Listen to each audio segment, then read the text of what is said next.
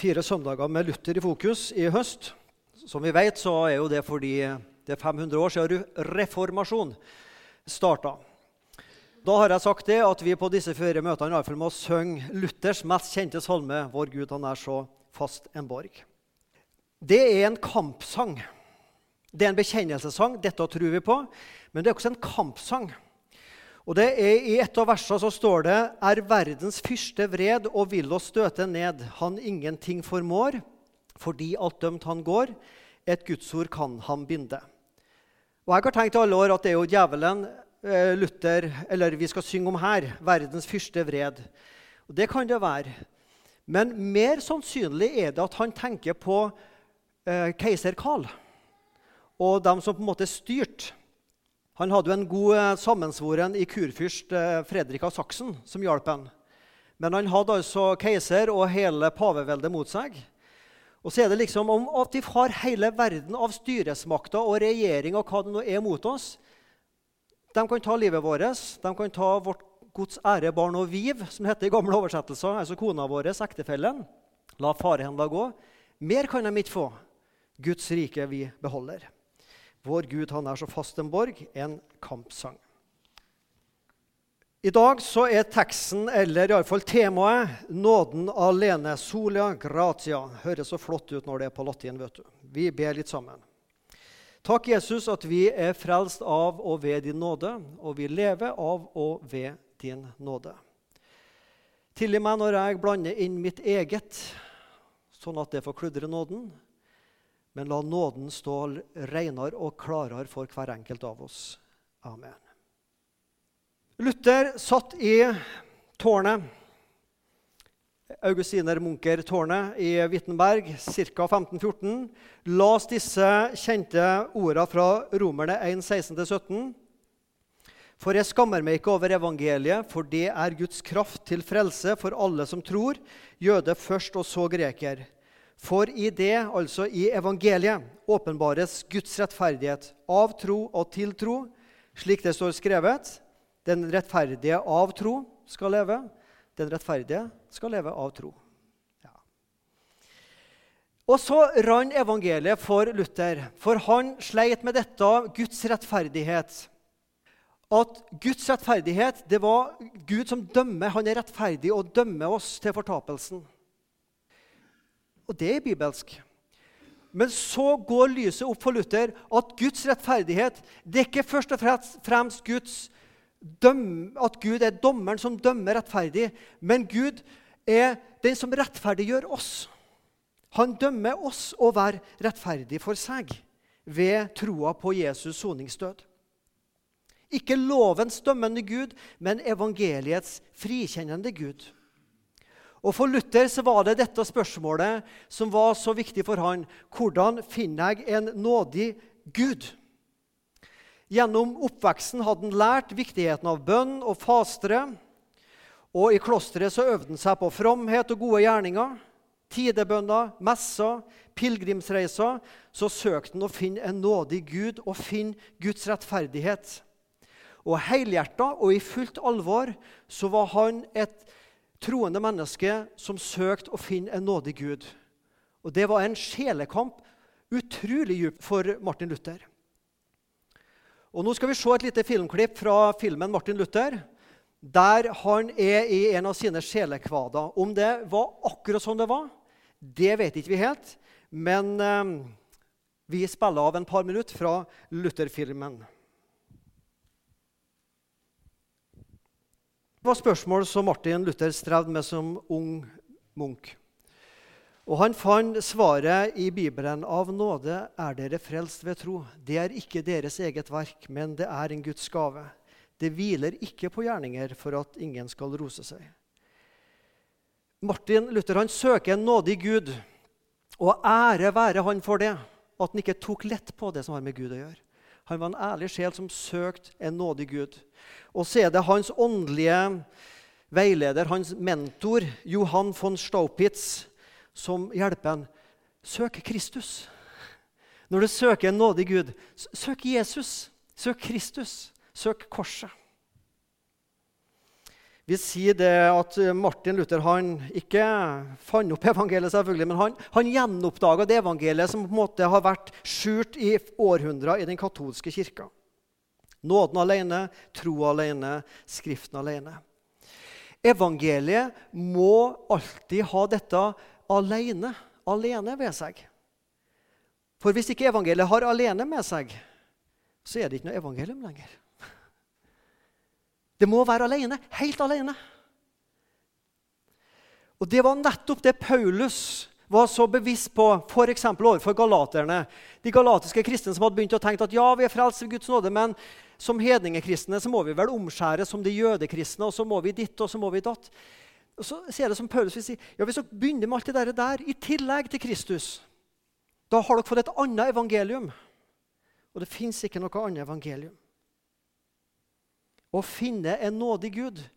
Jeg vet ikke om det er en moderne menneske i Norge og Sandnes i dag går rundt og spør seg hvordan finner jeg en nådig Gud. Men jeg skulle ønske at flere hadde gjort det, for det er et godt spørsmål. Vi skal lese to hovedtekster sammen. og Den første hovedteksten er fra 1. Timotius brev, kapittel 1, vers 12-16. Det er Paulus som søker en nådig Gud, og har funnet en nådig Gud. Jeg takker Ham som gjorde meg sterk, Kristus Jesus, vår Herre. At Han viste meg tillit i det Han satte meg til tjeneste, enda jeg før var en spotter, forfølger og voldsmann. Spotta Kristus, forfulgte kristne og til og med brukt vold mot de kristne. Han var med da Stefanus ble steina til døde. Men jeg fikk miskunn eller barmhjertighet fordi jeg handlet uvitende i vantro, og Vår Herres nåde ble overmåte rik med tro og kjærlighet til Kristus Jesus.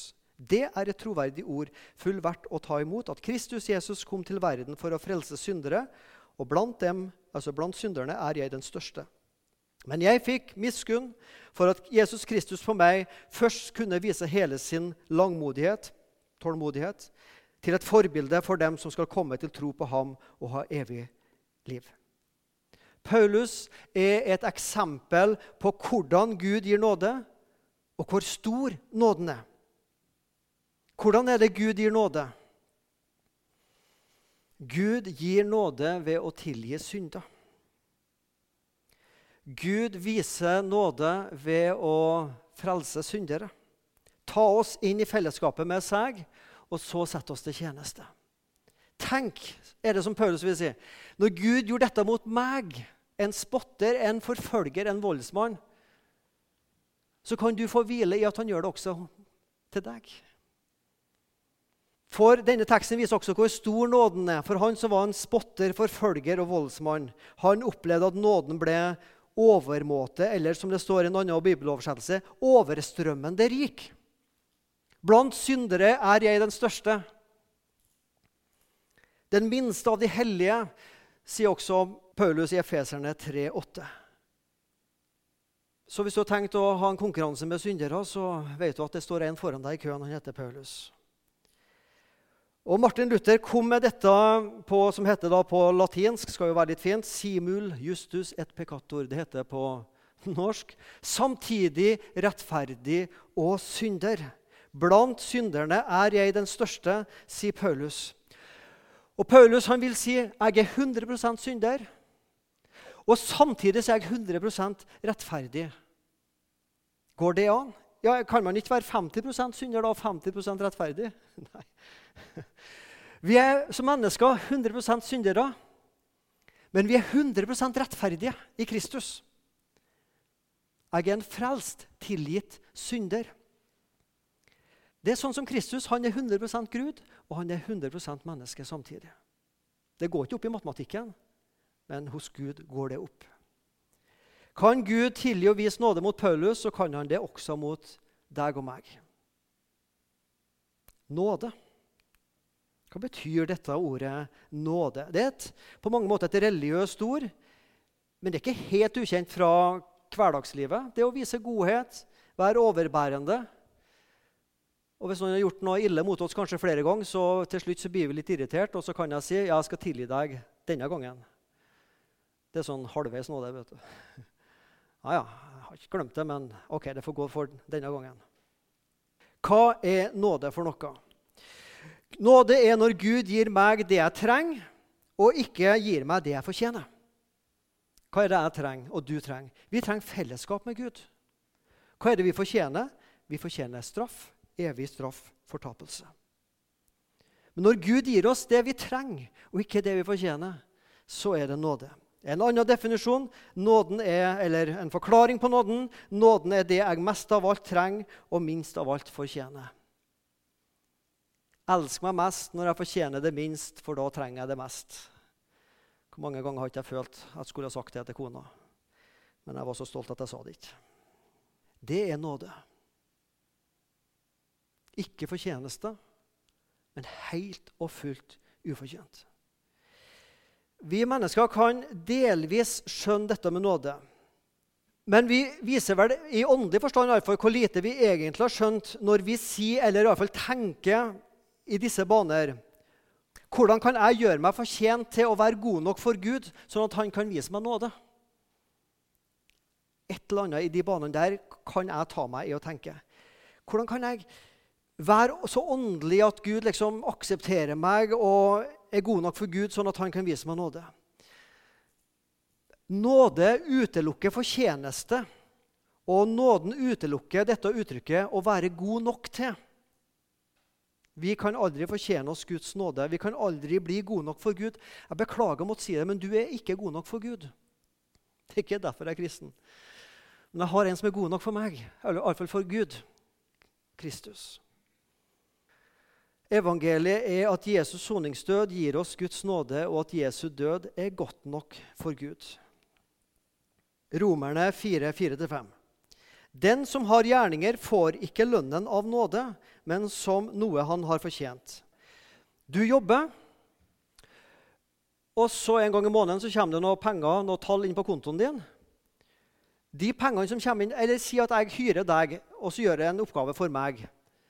Det er en times jobb, og timeslønna er 200 kroner. Og så gir jeg deg 200 kroner.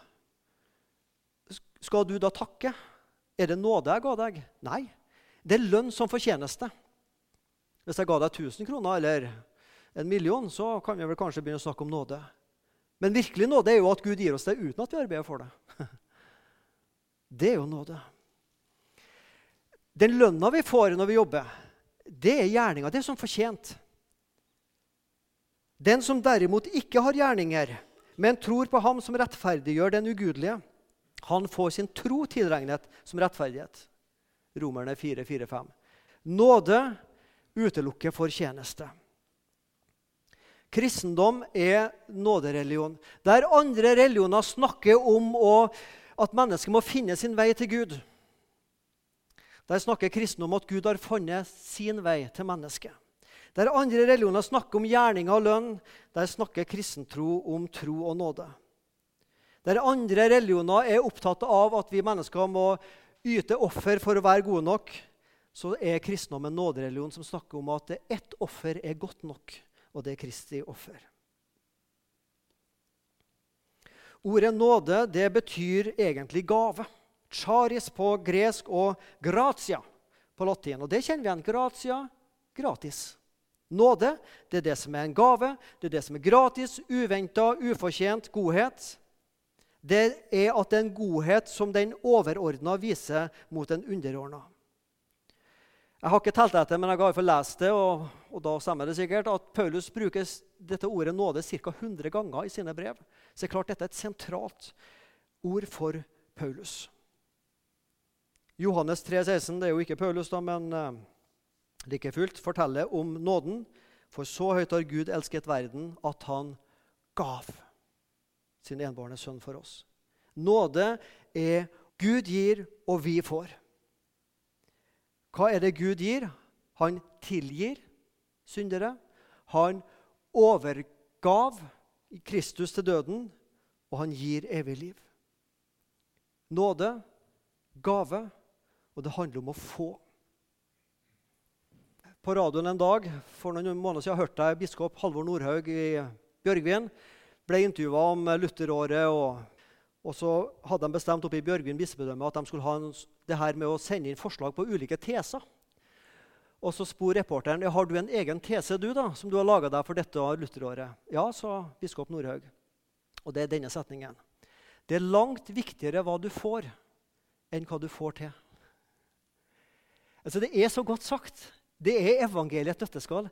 Det er langt viktigere hva vi får, enn hva vi får til. Det er langt viktigere med evangeliet som gir oss og vi får, enn hva vi får til overfor Gud med gode gjerninger. Glimrende sagt evangeliet i nøtteskall.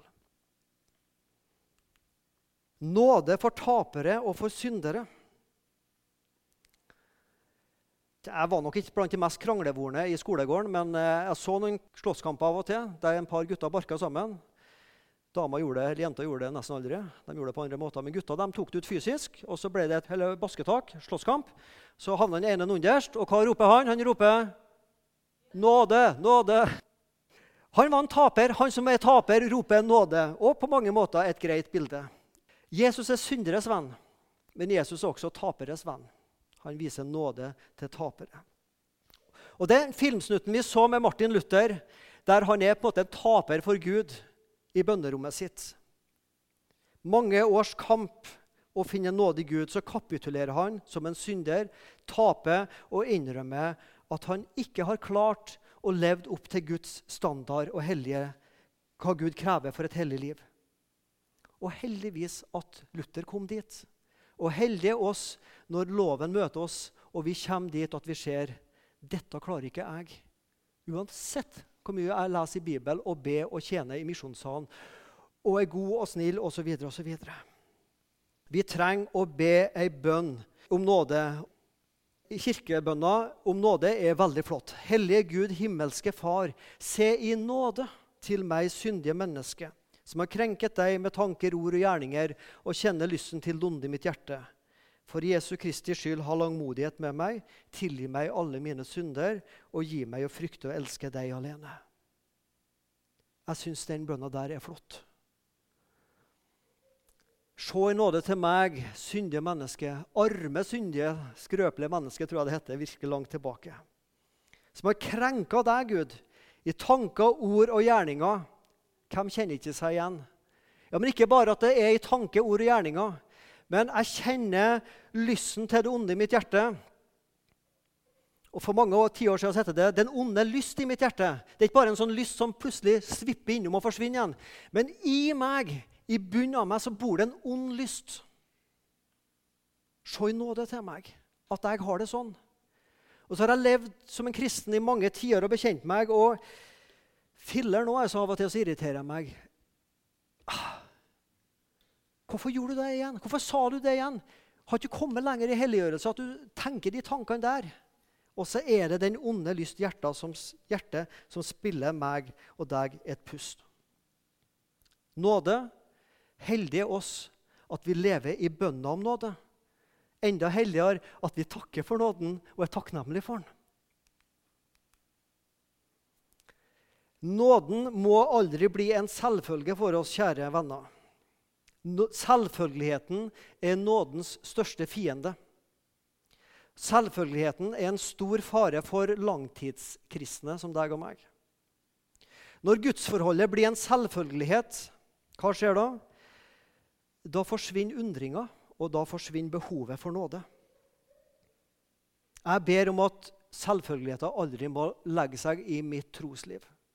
Men at jeg må leve i denne undringa, som er uttrykt i en sang som går sånn Han søkte meg i nåde som gikk på syndens vei. Han fant meg trett og såret og bar meg hjem til seg. Mens engler for Guds troende sang og himmelens harper herlig klang. Nåde at han fant meg. Kjærlighet som vant meg. Nåde at han bar meg til sin fold. Nåde at han bar meg til sin fold. Kjenner du den? Denne takknemligheten. Tenk, han bar meg, og han bærer meg ennå. Nådefulle Gud, synd du sletter ut. Jesus tok all synd som sin, og derfor også min, din, din, din og min. Må Gud aldri ta undringa fra oss, for da forsvinner nåden. Efeserne 2, 1-10. Dere var en gang døde pga. misgjerningene og syndene deres. Dere levde i dem på den nåværende verdens vis og lot dere lede av herskeren i himmelrommet, den ånd som nå er virksom i de ulydige. Ja, vi levde alle en gang som de, altså som de hedningene. Vi fulgte lystne i vårt eget kjøtt og blod og lot oss lede av det og av våre egne tanker. Vi var av naturen Guds barn, vi som Nei, det står ikke, nei. Vi var av naturen vredens barn, står det, ja. Hm. Under Guds vrede, vi som de andre. Det er saftig sagt, men det er bibelsk sagt. Og så kommer dette fantastiske ordet. Det mest fantastiske ene ordet som fins i Bibelen, det er ordet 'men'. For her snur alt. Men Gud er rik på barmhjertighet. Fordi han elsket oss med så stor en kjærlighet og gjorde han oss levende med Kristus. Vi som var døde pga. våre misgjerninger, av nåde er dere frelst. I Kristus har han reist oss opp fra døden sammen med ham og satt oss i himmelen med ham. Slik ville han i de kommende tider vise hvor overstrømmende rik han er på nåde. Overstrømmende rik, altså. Ikke bare sånn lite grann, da. Ja, akkurat nok, men overstrømmende rik på nåde. Og hvor god han er mot oss i Kristus Jesus. For av nåde er dere frelst ved tro. Det er ikke deres eget verk, det er en Guds gave. Hviler ikke på gjerninger for at ingen skal skryte av seg selv, som det står nå, eller rose av seg selv. Vi er Hans verk, skapt i Kristus Jesus til gode gjerninger, som Gud på forhånd har lagt ferdige for at vi skulle vandre i dem. Her snakker Paulus om et var og et er. Hans identitet som menneske. Som menneske så er jeg en synder, men jeg var en fortapt synder. Men nå er jeg en tilgitt synder og har blitt rettferdig for Gud. Både Paulus og også Luther var opptatt av syndens alvor og radikalitet. Synd er ikke bare en sykdom som vi kan ta en pille mot, og så forsvinner det. Synd er død. Det hjelper ikke med medisiner til en som er død. Da trengs bare et nytt liv, en ny fødsel. Og For Luther var det et oppgjør mot en katolsk tankegang at nåden er som en medisin som du sprøyter inn i kroppen din for å ta knekken på en sykdom. Der nåden blir en medisin som sprøytes inn i et syndig menneske og har en helbredende prosess som starter i sjelen, så blir det nåde pluss mine åndelige forbedringer som skaper skape et nytt liv. Og så sier Martin Luther nei, nei. Vi mennesker vi kan bli veldig religiøse i vår natur.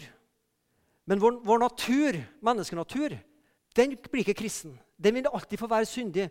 Men Gud skaper noe nytt i oss. En ny fødsel. For i oss sjøl er vi åndelig døde. Og så kommer dette ordet 'men', og så vil dere se som dere ser her, at her er det mange 'er'. Vi var døde, men nå er vi frelst.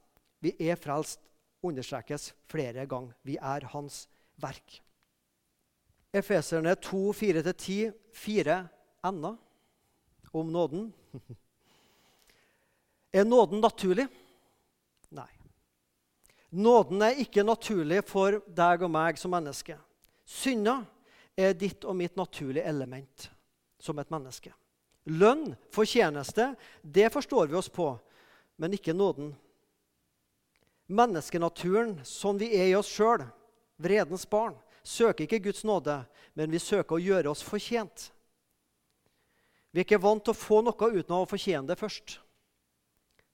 Det legger ikke vår natur å søke nåden. Vi søker oss sjøl.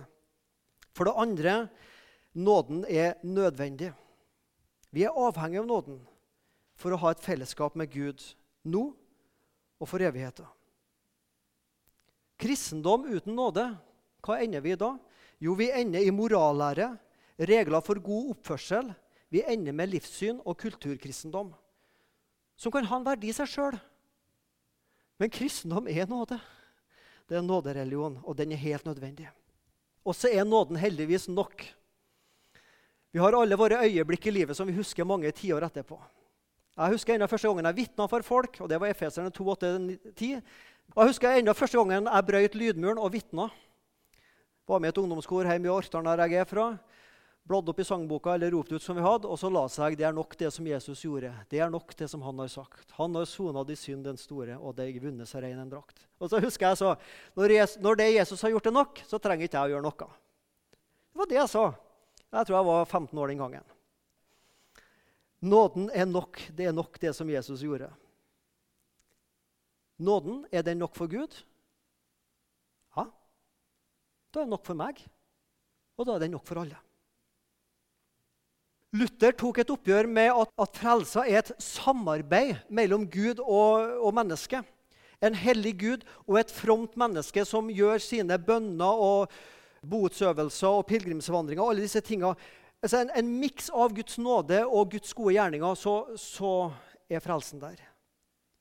Det var nettopp det som var noe av det Luther tok et oppgjør med. Frelse er ikke tro pluss gjerninger. Jesu frelsesverk er nok. Og Det siste jeg vil si om Efeserne 2, 4-10, det er den fjerde n-en. Nådige mennesker. Vi er skapt til gode gjerninger. Og dem trenger ikke Jesus. Jesus trenger ikke en eneste gjerning fra meg. Du trenger mine gjerninger, og jeg trenger dine gjerninger. Gud ønsker vi skal være nådige mennesker. Å leve i nåden det handler også om å bli forma av nåden. Og andre mennesker vil merke om jeg lever i nåden eller ikke. Om jeg er et nådig menneske, eller dere vil merke om jeg er et lovisk menneske. Å være et nådig menneske betyr ikke å smile og til alt og gode til alt og si at Gud aksepterer alt. Det betyr ikke det. Men å være et nådig menneske det handler om å innrømme egne svakheter. Vis forståelse for andre mennesker som sliter.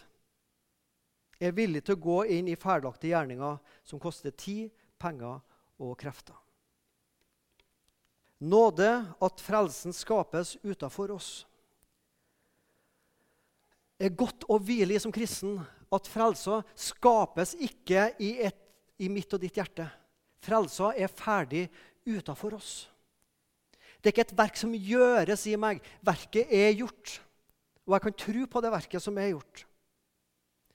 Frelsens forankringspunkt er i Guds hjerte og ikke i mitt hjerte, mine opplevelser. Eller at jeg har gjort bestemte erfaringer. Jo, jeg må være kristen, for jeg har opplevd sånn og sånn åndelig erfaring. Det er ikke det som gjør meg og deg til kristen. Det er ferdig utafor oss. Og Så skal jeg helt til slutt sitte en som gikk litt motsatt vei av Luther. Luther gikk fra katolisisme til lutherdom, for å si det litt sånn kirkehistorisk enkelt. Her er det en som gikk fra lutherdom, eh, fra en prest i norske kirke, til å ende opp som en pater i den katolske kirke. Han heter Arnfinn Haram. Han sa veldig mye godt. Og jeg skal lese noen setninger for dere helt til slutt nå, som er den siste preka han holdt på den dagen han døde. Han var bare 55 år. Han døde for noen år siden og holdt ei tale som ble skrevet ned. Og den snakker om nåde. Og jeg kan som lutheraner 100% si ja og amen til det pater Arnfinn Haram her sier. Nåde. Brødre og søstre. I et samfunn der Gud er blitt mindre enn menneske, har vi vanskelig å forstå at det trengs noe offer at vi kan være skyldige, ja, skyldige til døden. At noen skulle måtte gå i døden og ofre seg for oss. Å argumentere for det i dag, ja, det er som å så på asfalt. Jeg vil bare si for min egen del en dag.